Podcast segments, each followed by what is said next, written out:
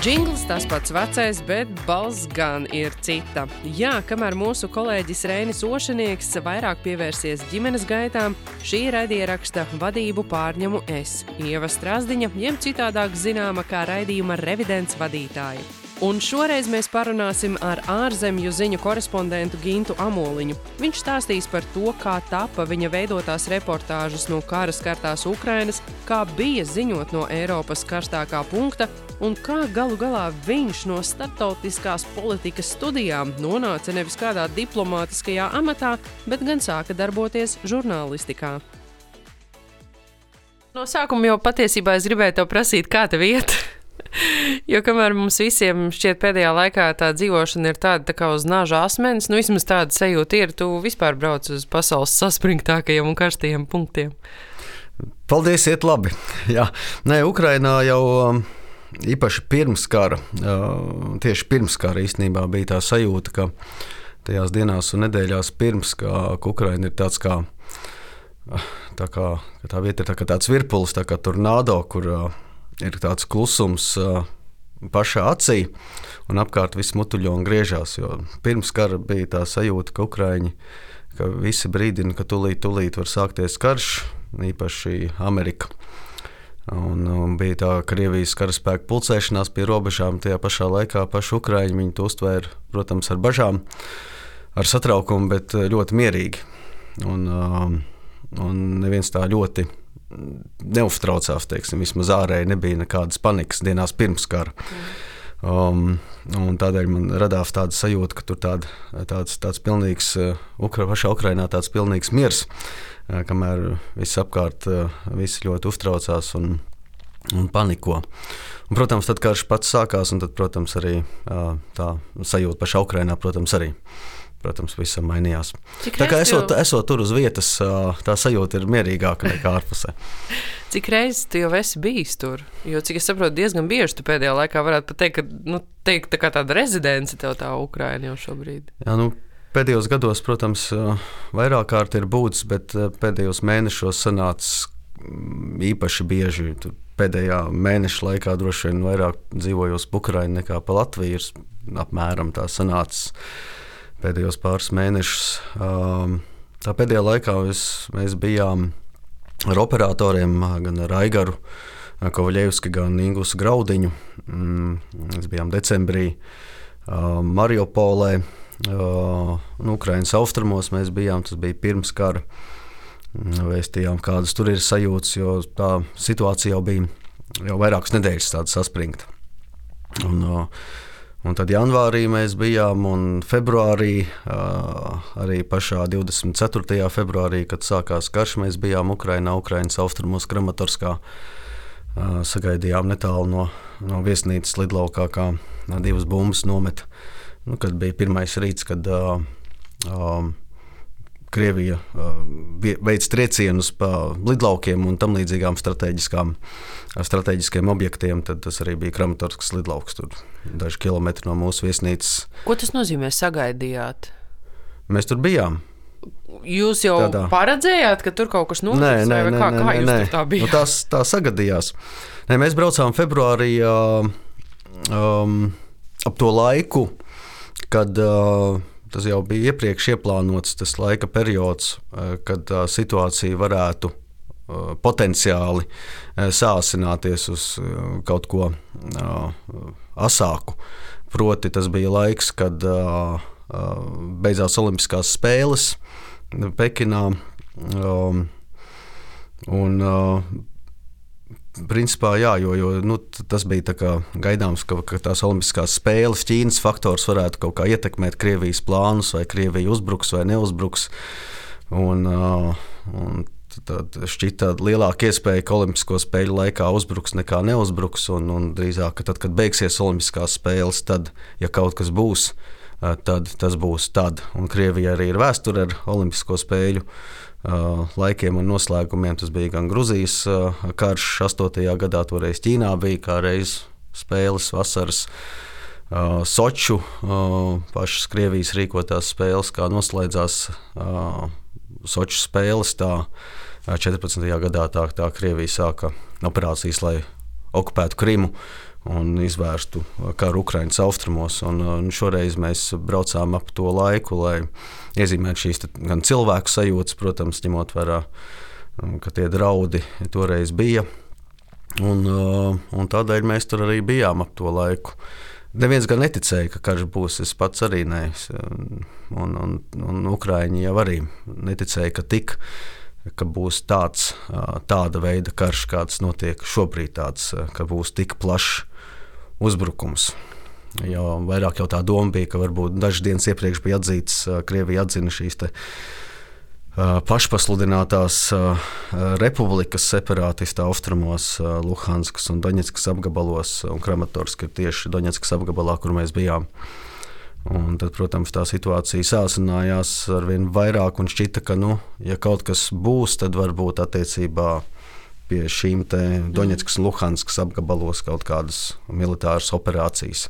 Bet tas, ka tiešām šāda veida pilsētu bombardēšana, lidlauku bombardēšana, un Kievas aplenkšana, un Harkivas un tagad Mariupoli, to nu, maz kurš gaidīja, ka tiešām uz šādu soli Kremlis spērs. Bet, bet kā tas bija pašstāstī?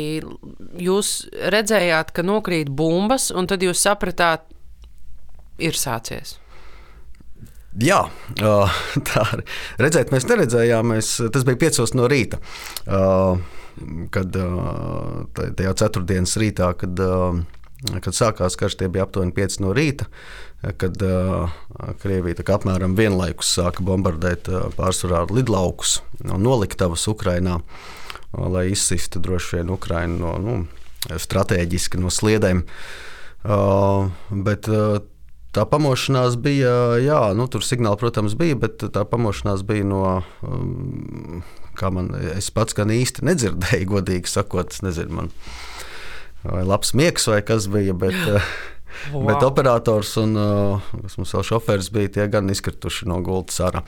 Uh, nu, no satrūkuma, teiksim, Jā. tā, ka tur viens sprādziens, otrs sprādziens, un tad jau mēs bijām viesnīcā tajā brīdī. Tur jau viss jau uzreiz kā skudra pūznis, un tur bija žurnālisti arī. Tad, Uh, protams, ziņās jau bija redzams, uh, kas no telegramu kanālos un Twitteros, un tā, nu, ka, ka arī tur pie Kijavas ir uh, bombardēšanas, un tā, un tad bija skaidrs, ka tas ir tāds plašāk mēroga uzbrukums.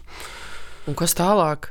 Tālāk mēs mēģinājām aizbraukt līdz lidostai, kur jau nu, tur sākumā nevarēja. Bija skaidrs, ka kaut kas kaut kur ir nomests turpatās, bet uh, kur mēs braucām, nu, kad droši vien lidostu braucām uz turieni. Uh, Bet uh, uh, tur tāds uh, neko tādu nevarēja manīt.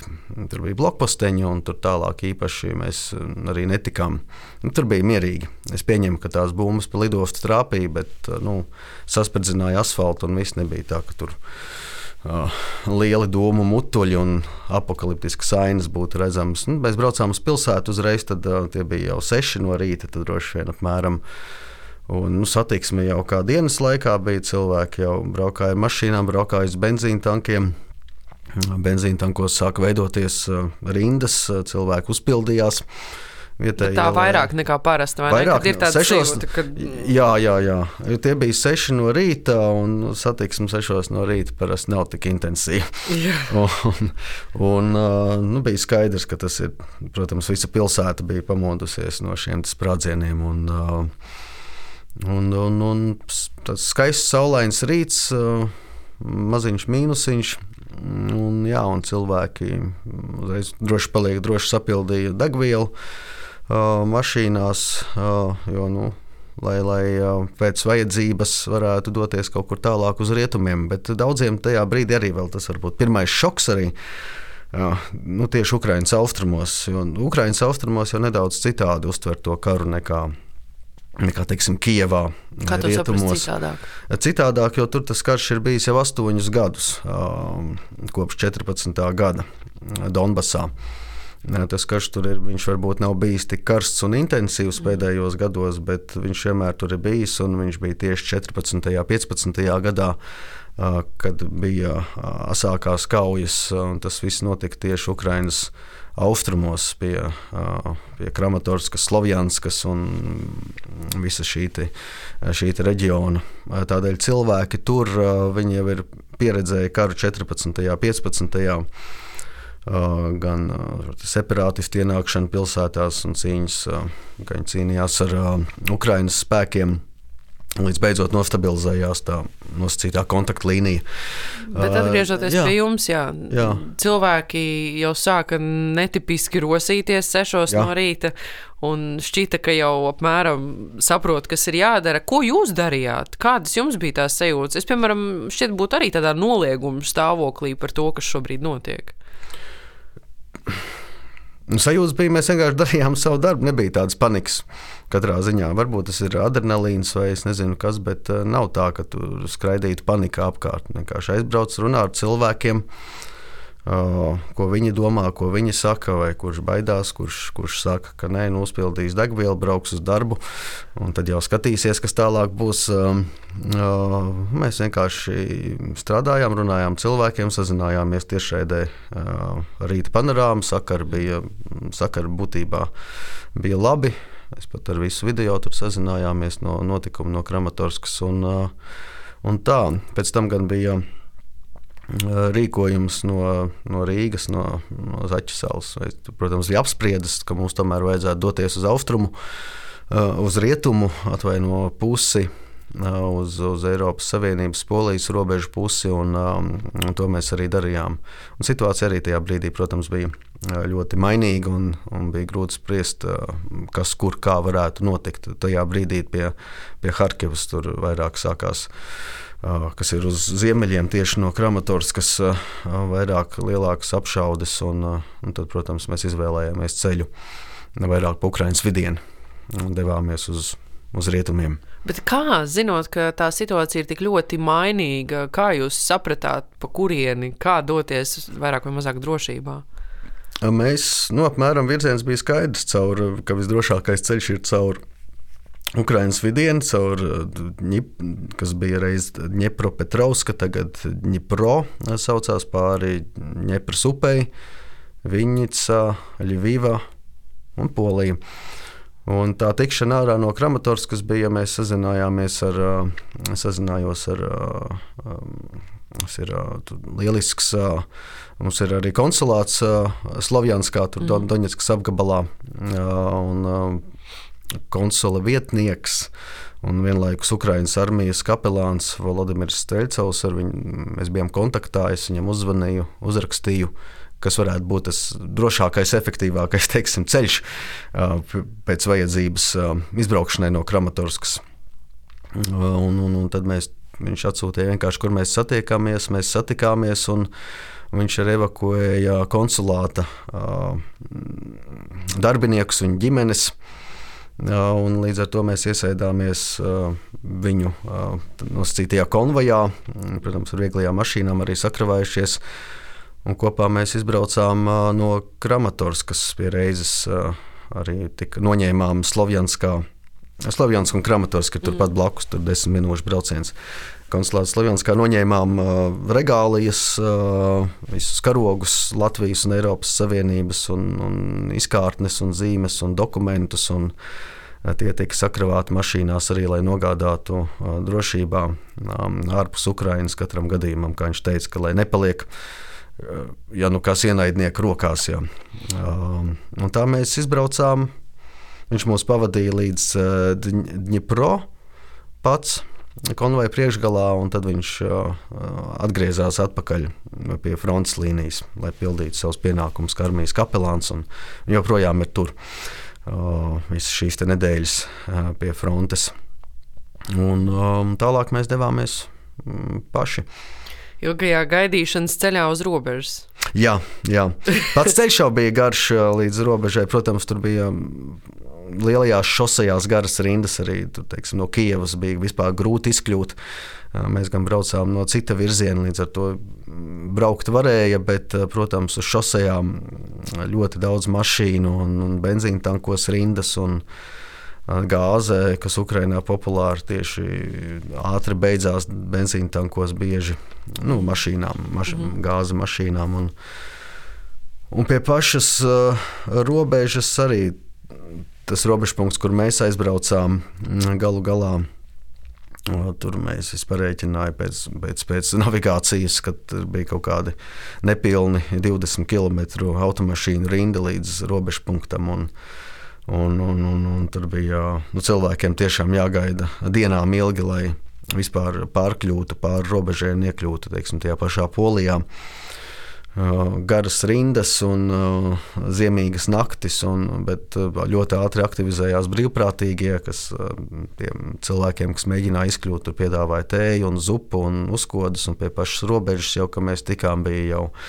Ukrāņi sadarbībā ar poļiem bija izveidojuši lauka virtuves tur un teltis, kur pasildīties, un, un tas viss notika ļoti, ļoti ātri. Tagad, atgriežoties Ukrajinā, kad mēs bijām pirms pusotru pirms pusotras, divām nedēļām, kad mēs atbraucām atpakaļ, kad karš jau bija uh, jau, jau, jau trešajā nedēļā, laikam mēs atbraucām. Jā. Tad jau, tad jau tās iebraucot iekšā, tās rindas jau bija krietni mazākas, Jā. noskrējušās. Tur kādi Mēs caur to pašu robežu punktu atbraucām, ja viņš bija 20 km pirms tam, tagad bija kādi 3 tā mašīnas. Salīdzinoši daudz labāk. Un, un tās pirmās mašīnas jau, es domāju, kara pirmajās dienās visi, kam bija mašīnas un iespēja, un kas to gribēja, brauca ārā no Ukrainas, brauca uz rietumiem, un, un, un, un, un tā, tā, tā bija tās lielās rindas. Tagad jau Um, tās bēgļu traumas, um, viņas nu, tā, tā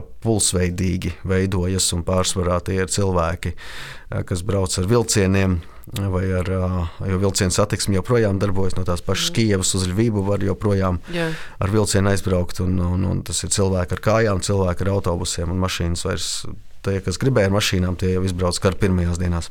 Es tevī klausos, un es domāju, ja es būtu tava mamma vai tava draudzene, es droši vien būtu es nezinu, dusmīga, ļoti nobažījusies, tad vēlreiz dusmīga. Un tad vēlreiz ļoti nobežījusies, un iespējams pat nu, tādā histēriski raudāt katru dienu, kad es dzirdētu, kur tu esi, ko tu dari. Kā viņi uztver to visu? Uh, tuviniekiem, protams, uh, nu, tur, tur nav daudz ko teikt. Protams, ka tuvinieki par to uztraucās un pārdzīvo.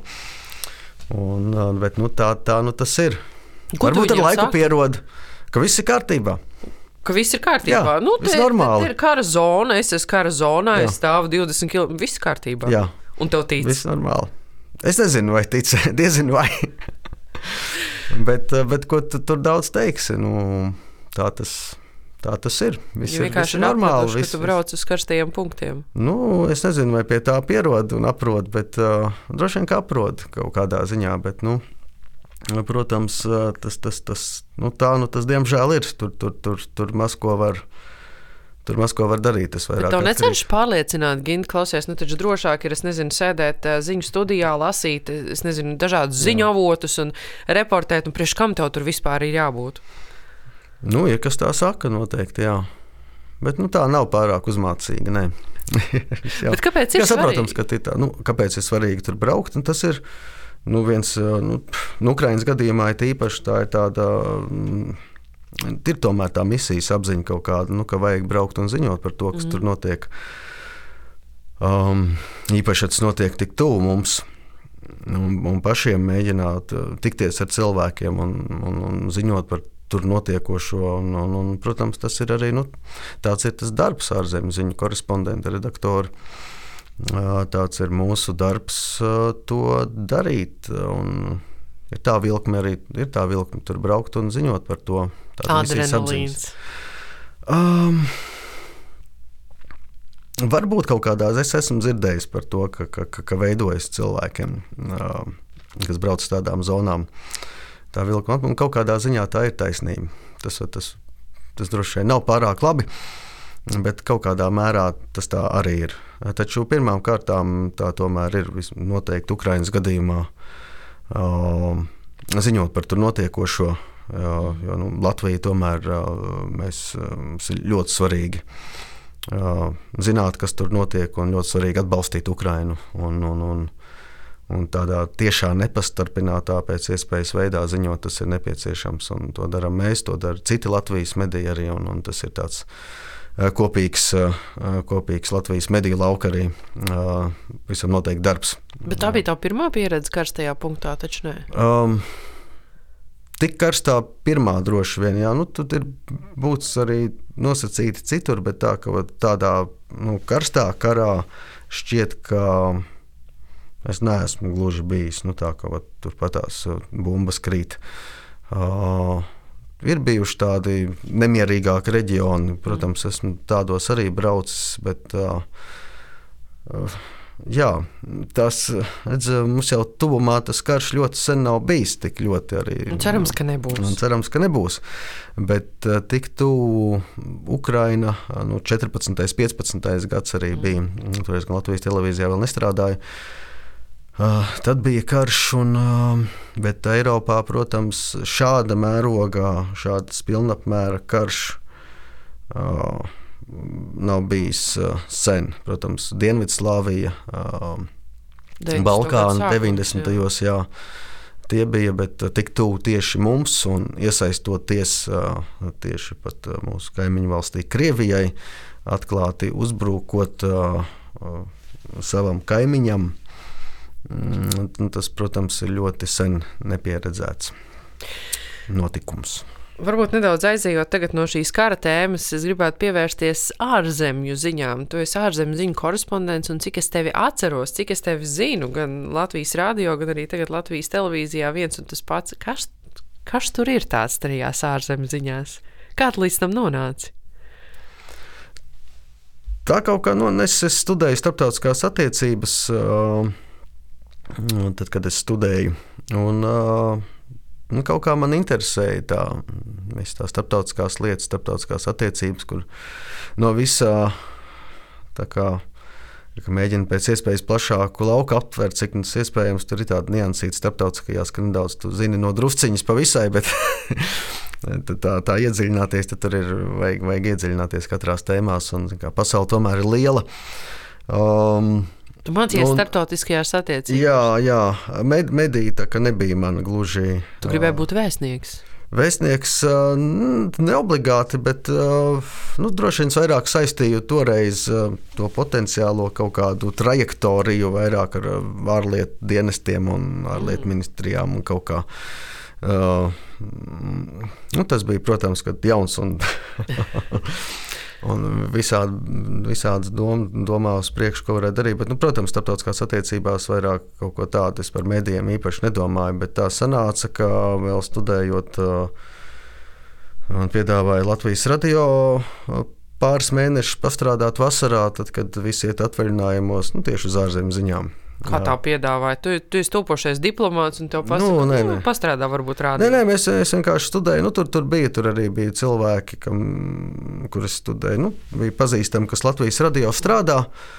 Un tā vārds pa vārdam, ka, nu, re, kur kā students, nu, varbūt visi iet atvaļinājumos, tas starptautiskās tā kā studē.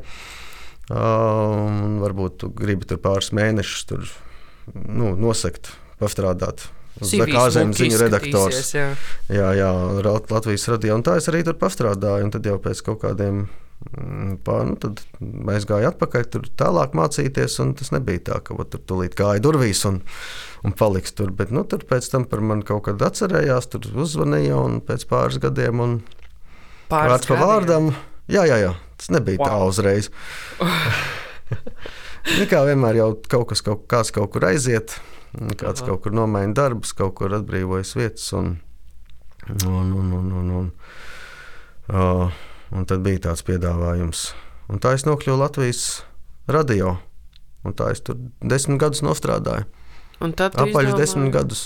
Un tad izdomāju, apaļ desmit gadi, labi, labi, labi apaļ jubileja, lai kaut ko mainītu. Ja?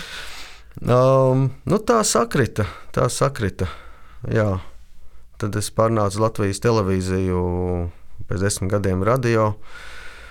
Uh, Un tagad esmu šeit kā reiz uz Covid, uz pandēmijas sākuma. Atnācu, pārnācu uz televīziju. Es radio joprojām, protams, es arī radio, tur no Ukrainas mēs ziņojām, un, un lielisks, lielisks kolektīvs, un Latvijas radio ir lielisks vienkārši. Un, bet jā, kā pārnācu uz televīziju februārī 20. gadā, kā reiz kā pārnācis, vēl paspēja uz Maskavu aizbraukt uz vienu komandējumu, un tad iestājās. Lielie miera laiki. Lielie jā, miera laiki, teiks, var arī tā nosaukt, jā, tieši uz pandēmijas sākumu. Ak, dienīgi, tas ir, tas ir interesants iesākums jaunā darbā. Jā, daudz sološs. Bet tu esi ik pa brīdim domājis, ka varbūt vajadzētu atgriezties, tagad, nezinu, strādāt ārlietās, nē. kļūt par diplomātu? Nē, nē, nē. nē, nē. Uh, tas jau. Nē, es par to neesmu domājis. Absolūti nē. Teiksim, Tas tagad žurnālists. Es esmu līdz galam. Dārzeņu ziņu korespondents. es ziņoju, un ziņoju, braucu un ziņoju. Tiksim. Es, es tā redzu, mazliet to žu. Es joprojām man sev grūti nosaukt par iekšējai lietošanai, par žurnālistu. Kāpēc? Nu, kaut kā man tā, kaut kā tā tas ir žurnālists man šķiet, ka viņš rokās un ņemās. Un es jau arī, mēs, protams, arī rokās. Es nezinu, kā nu, tas ir savējie tarakāni droši vien, bet uh, es vairāk sev redzu kā reportieris, korespondents, redz, stāsta, kas notiek, kas ir, ko cilvēki domā. Uh, Nu, kaut kāda analīze, protams, arī vienmēr ir.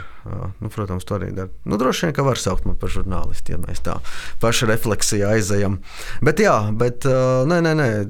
Jā, žurnālists, redaktors, korespondents, reportieris, sauc kā grib, protams, bet nu, ārlietās, starptautiskajās attiecībās. Mm.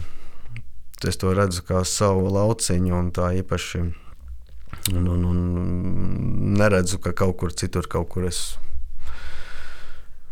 pārmainītos vai mainītu savu uh, dislokāciju un vietu šai pasaulē.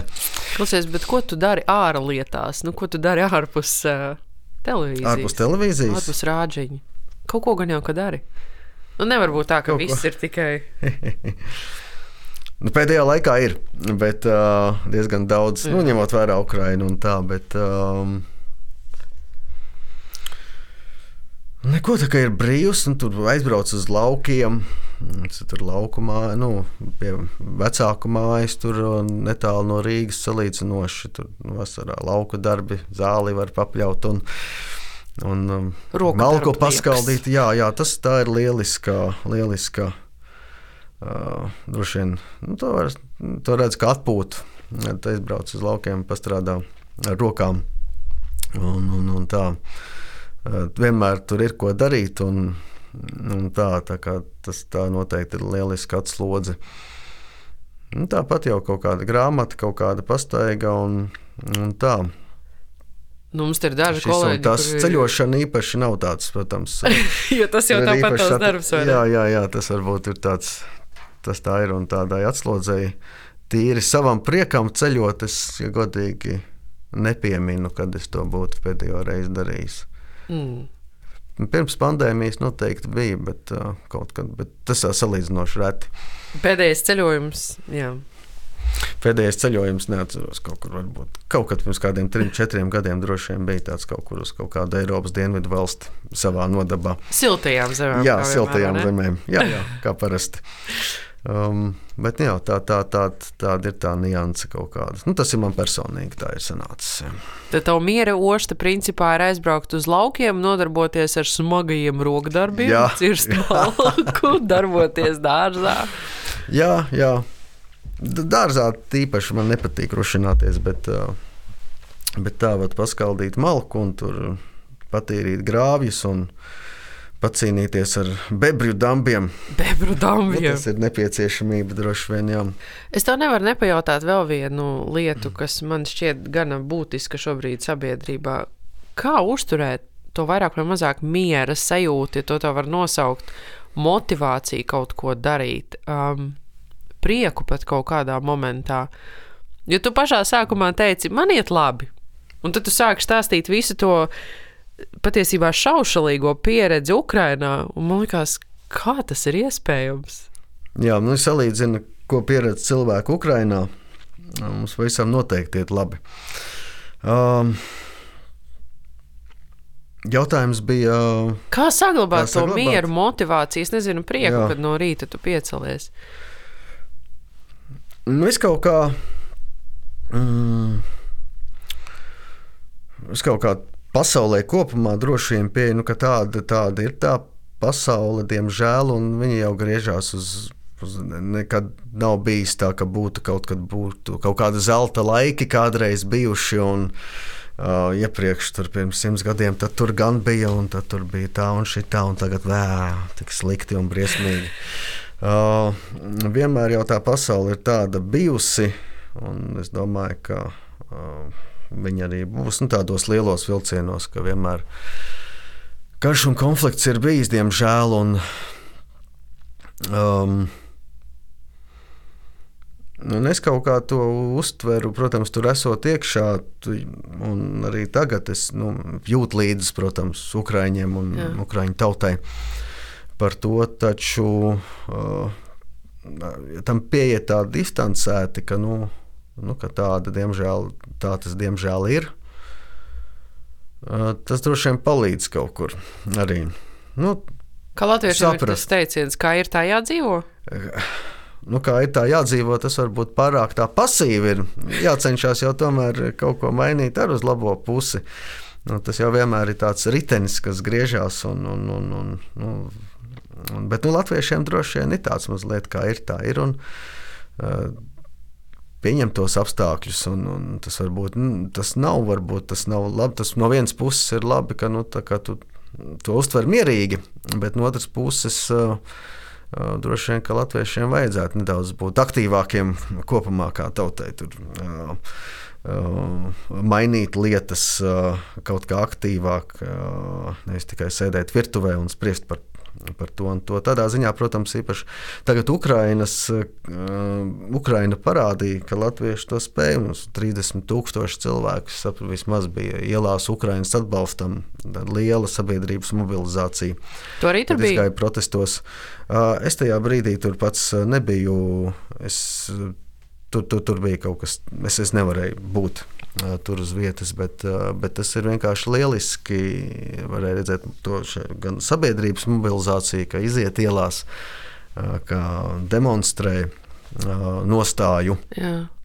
Un, un tas ir viens, un otrs arī, ka praktiski mēs redzam, ka uzreiz brīvprātīgie arī organizējas cilvēki, piegādā lai humāno palīdzību piegādātu gan, gan automašīnas. Ukraiņas bruņotajiem spēkiem. Tas ir tieši Latvijā, ka, kā to dara. Es zinu, ka latvieši arī strādā kā brīvprātīgie uz robežām ap Ukrajinu, lai palīdzētu bēgļiem, kas iekļūst nezinu, Polijā, Rumānijā, mm. tālāk un tālāk, kur nu cilvēki dodas. Un tas gan Latvijā, gan, protams, arī Lietuvā un Polijā un daudz kur citur citur. Tas, nu, tas parāda, nu, ka, ka ir mums iekšā. Un, tas ir ļoti labi. Tas ir ļoti labi. Un mēs spējam strādāt kopā, ja Jā. mēs vēlamies. Jā. Vienīgi tagad, vienīgi tagad, cik es saprotu, jauns izaicinājums. Droši vien šeit būtu interesants tavs diplomāta vērtējums, diplomāta rūdījums, tā turēšanās kopā. Jo to jau mums arī nedaudz šobrīd Kad, kā saka, ik pa brīdim uzurda tas jautājums par turēšanos kopā, par turēšanos kopā. Tieši Latvijā? Jā. Nu, tas tāpat kā ar. Tas nebūs diplomātisks vērtējums, jo neesmu diplomāts, bet uh, līdzīgi kā no tādi, tādi, tādi um, um, briesmu laiki uh, saliedē. Uh, Arī Ukraiņa saliedēja, ir saliedējis šis te, protams, karš un konflikts, un arī nedēļās pirms uh, sākās pats karš, kad jau bija šīs nedēļas, kad uh, ka Krievija pulcēja šo karaspēku ap robežām un Baltkrievijā. Un, Runājot ar Ukrāņiem, jā, varēja just to saliedētību, bet kā man teica, kāds man tur Ukrainā teica, ka, lūk, uh, ka viss jau tāpat viss tagad saliedējas, bet uh, tāpat jau tie dažādi uzskati un dzīves skatījumi jau nekur nepazūd. Vienkārši briesmu laikos cilvēki saliedējas. Uh, tas pats arī, teiksim, nu, Baltijas valstis mūs okupēja Otrā pasaules kara laikā. Un, uh, mēs jau saliedējāmies, un Baltijas ceļš bija un, un viss vienotība un saliedējušies, bet tā kā neatkarīgas valsts, protams, tā draudzība jau saglabājas. Mēs esam ļoti cieši sabiedrotie tajā pašā laikā neatkarīgas valsts un arī konkurence savā starpā. Un, un katrs ar savām interesēm. Bet ar sabiedrību kā? Un, un sabiedrība jau tas pats, katrs ar savām interesēm, katrs ar savām domām. Es jau domāju, ka kopumā nu, nevar būt tāda sabiedrība, kas ir pilnībā ot, vienota, saliedēta ar vienu dzīves skatījumu. Un, un, um, Un, un, un tā tas jau tas ir normāli, īpaši demokrātiskās sabiedrībās, ka ir dažādi viedokļi un uzskati. Ja tu domā par, ja runa ir par nezinu, kaut kādos nacionālās drošības kontekstos, aspektos, aspektos un tā. Es nezinu, es domāju, ka kopumā nu, tie uzskati nu, ir un nekur nepazudīs. Tie dažādie uzskati. Eh, tas jau nav tikai runā par latviešiem un krievalodīgajiem nosacīt. Arī latviešu vidē ir dažādi uzskati par, mm. uh, par, par karu Ukrajinā. Uh, to es pats zinu. Un, uh, un, um, nu, tas ir. Nu, nu, nevar piespiest cilvēku domāt kaut kā citādi. Tas ir tāds lēns, lēns, lēns darbs, skaidrošana, runāšana. Un, un tā, tas ir tāds pastāvīgs, pastāvīga darīšana, pastāvīga runāšana.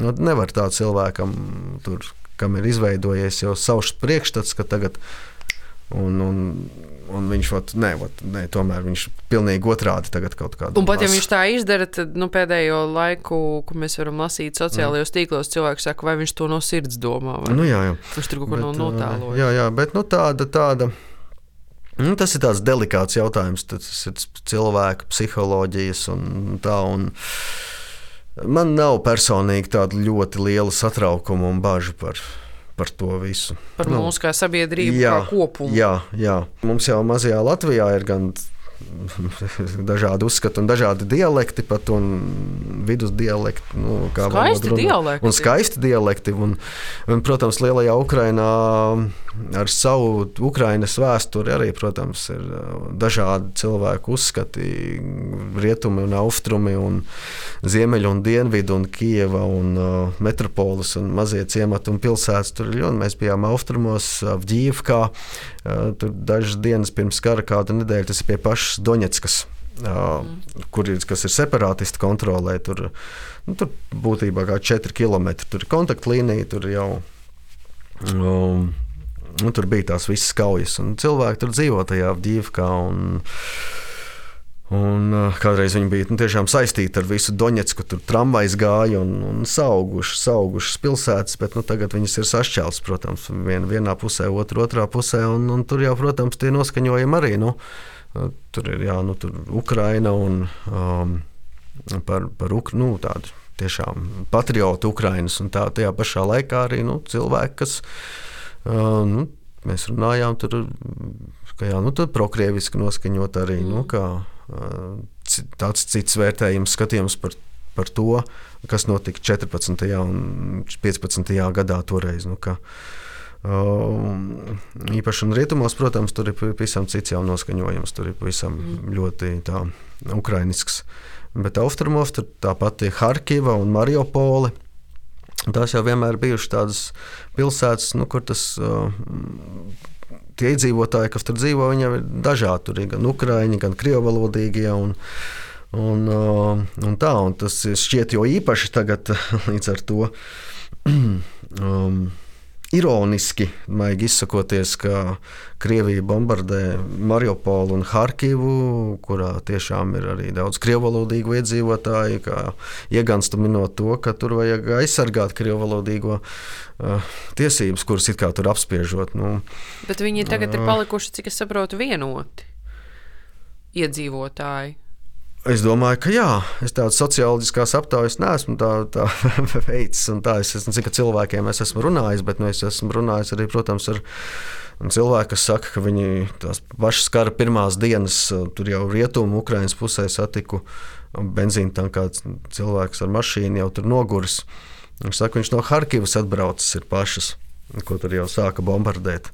Pats viņš ir krievs, viņam vecāki krievi, viņš tur vienmēr dzīvojis. Nekad, nekad viņi tur nav aiztikuši un, un viss normāli. Un, um, un, un, Un, protams, ka tas, tas pavērš pret, nu, katrā ziņā pret, pret Maskavu, pret Krieviju, kā valstisku veidojumu. Noteikti Ukrainā draugu ir ļoti maz palicis. Arī tie, kas varbūt bija kaut kā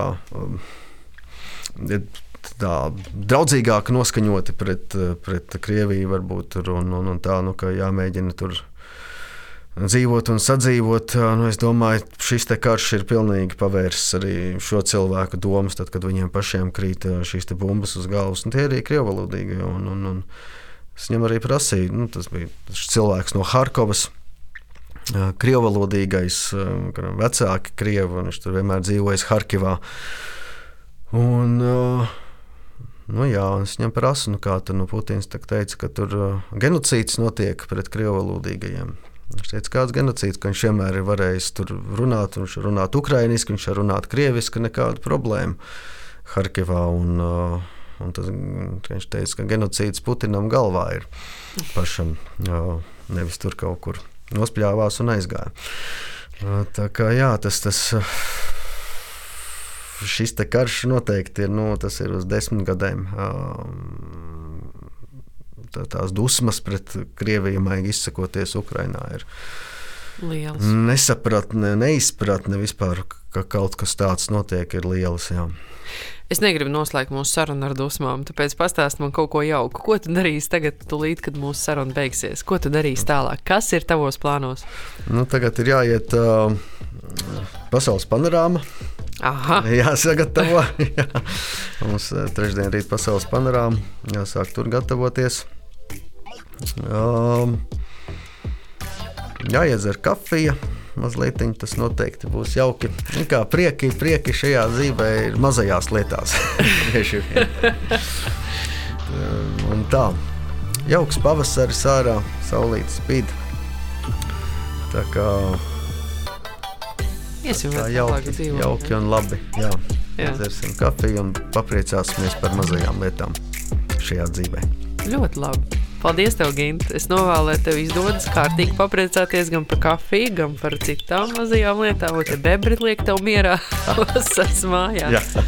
Un lai mazāk kārstu punktu.